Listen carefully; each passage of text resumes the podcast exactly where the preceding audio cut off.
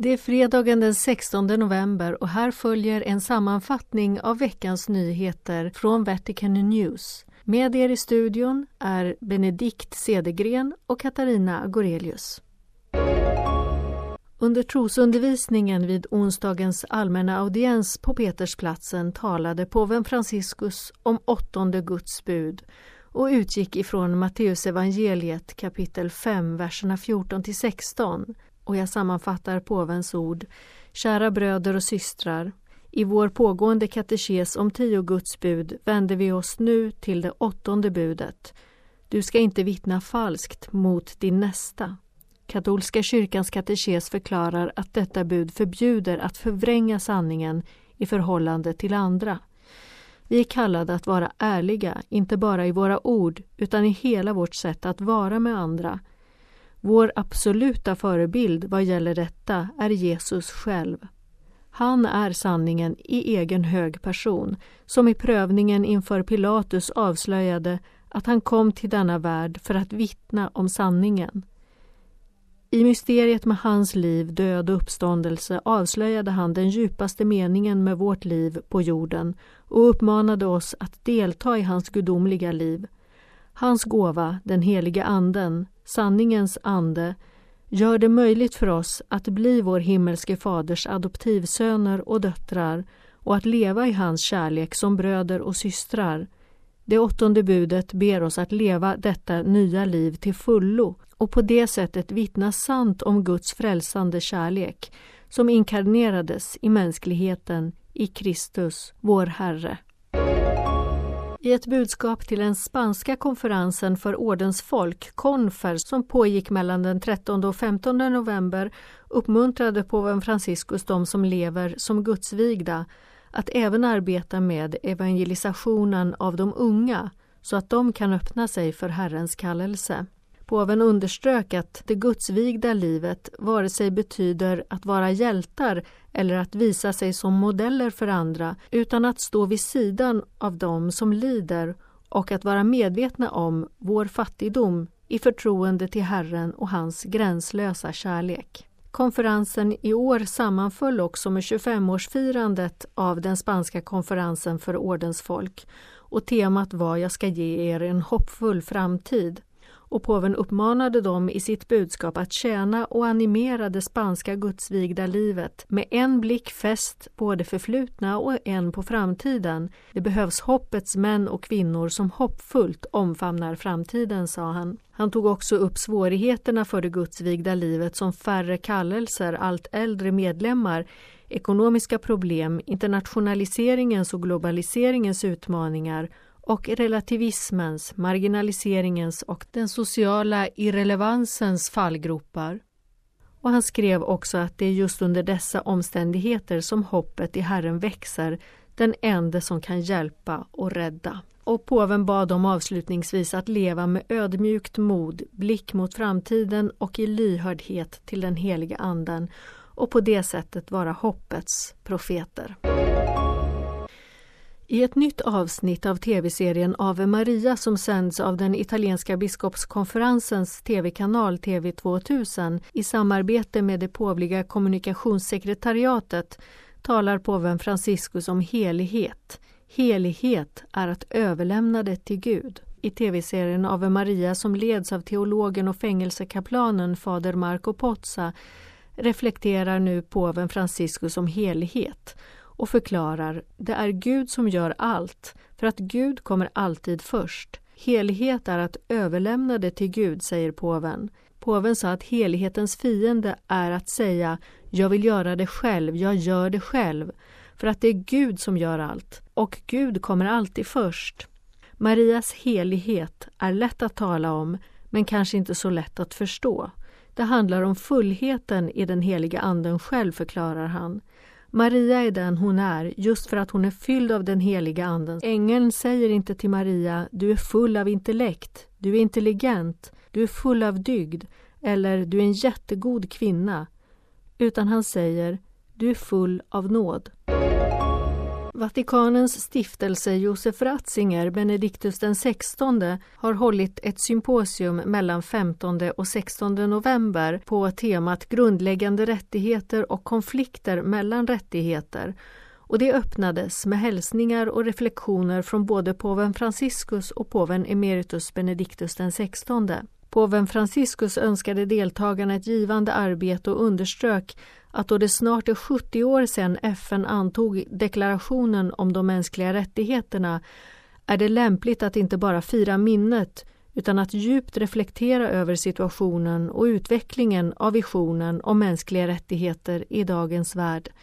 Påven observerade att denna deklaration har för avsikt att stödja den integrerade mänskliga utvecklingen men att man med tiden successivt har omtolkat vissa rättigheter och inkluderat nya rättigheter som även står i konflikt till varandra och på det sättet ändrat på själva rättsidén och dess fundament. Påven Franciscus påminner om att Benediktus XVI ansåg att denna fråga var brådskande och ingrep med auktoritet som tänkare och herde och hoppas därför att symposiet genom att inspireras av vår älskade påve emeritus tanke och lära ska bidra till att upplysa den grundläggande frågan om vården av människans värdighet och en integrerad utveckling. Och påven emeritus Benediktus XVI skrev i sitt brev till symposiet jag visade genast min uppskattning för initiativet då jag ansåg det utomordentligt nödvändigt. Han skrev att det är särskilt viktigt att man uttryckligen talar om problematiken med förökningen av rättigheter och risken för att förstöra rättsidén. Benediktus XVI understryker att det handlar om en fråga som är aktuell och grundläggande för att skydda grunden till den mänskliga familjens samlevnad och att den därför förtjänar att fördjupas. Påven emeritus försäkrade symposiets deltagare sin närhet i bönen för att Herren välsignar deras engagemang under dessa dagar. Heliga stolens ständige observatör vid FN i New York, monsignor Bernardito Oza, bjöd till en minnesceremoni med konsert den 12 november för att minnas första världskrigets slut. Han sa i sitt inledningstal de miljontals döda vid första världskrigets blodutgjutelse kan stödja och väcka vårt engagemang för att bygga en varaktig fredskultur. Heliga stolen organiserade alltså denna konsertkväll tillsammans med Malteserorden och brittiska Johanniterorden i USA och den hölls i Glaspalatset vid FN i New York med FNs symfoniorkester och kör tillsammans med kammarkören Inspire. På programmet stod Adagio av Samuel Barber och Ave Maria och Requiem av Mozart som Monsignor Åtsa kallade några av de mest rörande verken skrivna för att hjälpa personer att gråta av hopp. Stycken som har hjälpt ett otal personer att finna en ny betydelse av nära och käras tragiska död. Han sa att den här musiken idag uppmuntrar till samarbete för att man ska uppnå fred i krigsområden. Han citerade också påven Franciscus och sa att minnet av första världskriget kan leda världen till en djup och brådskande omvändelse för en varaktig fred som byggs då nationerna kan konfronteras på samma villkor och för en mentalitet som inte ser en seger i att förödmjuka den slagna motståndaren. Monsignor Oza sa vidare, vårt arbete vid FN för att förhindra krigets gissel och främja fredsbyggandet är frukten från trädet som har vuxit i första och andra världskrigets aska. Under morgonmässan i Sankta Marta-kapellet torsdag den 15 november påminde påven Franciscus om att kyrkan visar sig i eukaristin och i goda handlingar och utan buller. Påven utgick ifrån Lukas evangeliets 17 kapitel, verserna 20 25. Påven sa att kyrkan växer i enkelheten, tystnaden, lovprisningen och det eukaristiska offret och den broderliga gemenskapen där alla älskar varandra och inte kritiserar varandra, sa påven och betonade att Guds rike inte är spektakulärt utan växer i tystnaden. Kyrkan visar sig i eukaristin och i goda handlingar även om detta inte skapar nyheter. Kristi brud har ett tyst temperament och ger frukt utan buller och utan att blåsa i trumpeterna som fariseerna. Påven sa vidare att Herren har förklarat för oss hur kyrkan växer i liknelsen om sådden. Såningsmannen sår och fröet växer dag och natt och Gud ger tillväxt som bär frukt. Kyrkan växer i tysthet och hemlighet av resultaten av de goda handlingarna för att folket ser och ärar Fadern som är i himlen som Jesus säger i firandet, lovprisningen och eukaristin. Herren hjälper oss i frestelsen att förföras av att vi vill att kyrkan syns mer och skapa evenemang istället för att växa i tystnaden och avslutade att kyrkan även växer genom martyrernas blod, de många män och kvinnor som ger sina liv för sin tro, men att de inte skapar nyheter för att världsandan inte tolererar martyrskapet utan gömmer det. Pakistans högsta domstol frikände för två veckor sedan Asia Bibi som dömdes till döden 2010 för blasfemi. Men den pakistanska regeringen förbjuder nu henne att lämna landet förrän domen har granskats, något som kan ta flera år. Under tiden blir förhållandena för Asia Bibi och hennes familj allt mer otrygga och Bibis man ber nu Italien om hjälp.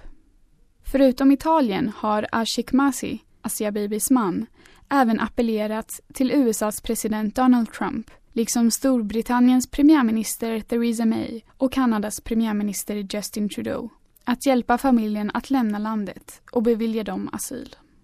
Italiens vicepremiärminister och inrikesminister Matteo Salvini sade under förra veckan Jag vill att kvinnor och barn vars liv är i fara ska kunna få en säker framtid i vårt land eller i andra västländer. Så jag kommer att göra allt som är möjligt för att garantera det. Salvini berättade även för en italiensk radiostation att Italien arbetar diskret med ärendet med andra västländer. Under söndagens Angelus hedrade påven Franciscus första världskrigets offer. Påven Franciscus återanvände orden onödig slakt som påvens företrädare påven emeritus Benedictus XVI använde för att benämna första världskriget och sade även att det första världskriget är en allvarlig varning för oss alla att avvisa krigskulturen och att söka alla legitima medel för att stoppa de konflikter som fortfarande plågar många regioner i världen. Medan vi ber för alla offer för den fruktansvärda tragedin, låt oss säga med kraft. Investera i fred, inte i krig. Under måndagen tog påven Franciscus emot medlemmar i den påvliga vetenskapsakademin som samlats i Rom för deras plenarsammanträde. Under mötet tackade påven Vetenskapsakademin för deras bidrag till nutida världsproblem och uppmanade dem att fortsätta tjäna mänskligheten. Trots Vetenskapsakademins framgångsrika brottsbekämpningar sade påven att det fortfarande är en lång väg kvar att gå för en integrerad och hållbar utveckling.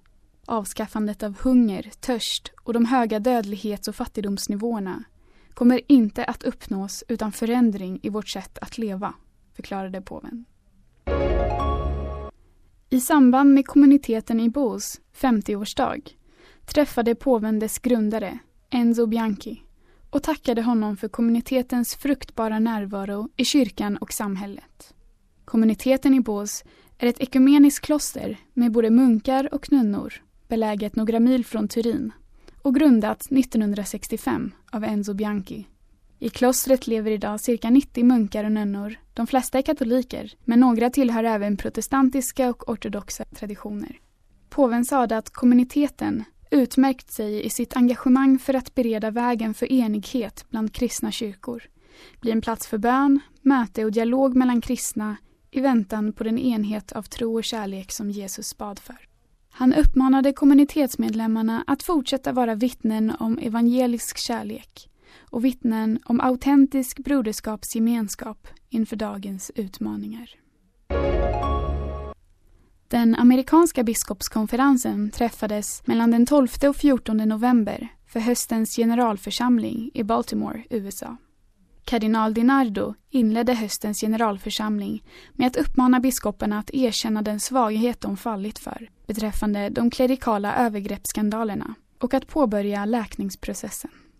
Sedan Pennsylvania Grand Jury-rapporten som pekade ut över 300 fall av klerikala sexuella övergrepp sedan 1947 i Pennsylvanias katolska kyrkor. Och McCarrick-fallet har den amerikanska biskopskonferensen angett att det inte finns någon viktigare fråga just nu än övergreppsskandalerna. Kardinal Dinardo citerade bland annat den helige Augustinus med orden För att svaghet ska bli stark behöver styrka bli svag. Han bad även biskoparna att vara beredda att be om förlåtelse, något som han själv gjorde under mötet. Den amerikanska biskopskonferensen visade på att de aktivt söker efter åtgärder för att ställa biskopar till svars för övergrepp, sexuella olämpliga beteenden och försummelse. Vid slutet av plenarmötet underströk Dinardo den amerikanska biskopskonferensens tre mål. Att undersöka anklagelserna mot ärkebiskopen Theodore McCarrick, utveckla ett sätt att anmäla övergrepp och ett sätt för att ställa de skyldiga biskoparna till svars och rätta. Dinardo avslutade med att säga att han är övertygad om att kyrkan kommer att ta avgörande steg i rätt riktning tillsammans med påven Franciscus efter mötet i februari. Under torsdagen tog påven Franciscus emot cirka 100 studerande präster samt personal från Pontificio Collegio Pio Latino Americano, det latinamerikanska universitetet i Rom, i samband med dess 160-årsjubileum. Påven Franciscus benämnde universitetet som en institution som strävar efter att vara en mötesplats i Rom för vårt latinamerikanska land och uppmanade sedan de latinamerikanska prästerna att skapa band av vänskap och broderskap med varandra och förbli nära sitt folk. Och det var en sammanfattning av veckans nyheter. Vi hörs igen om en vecka. Laudetur Jesus Christus.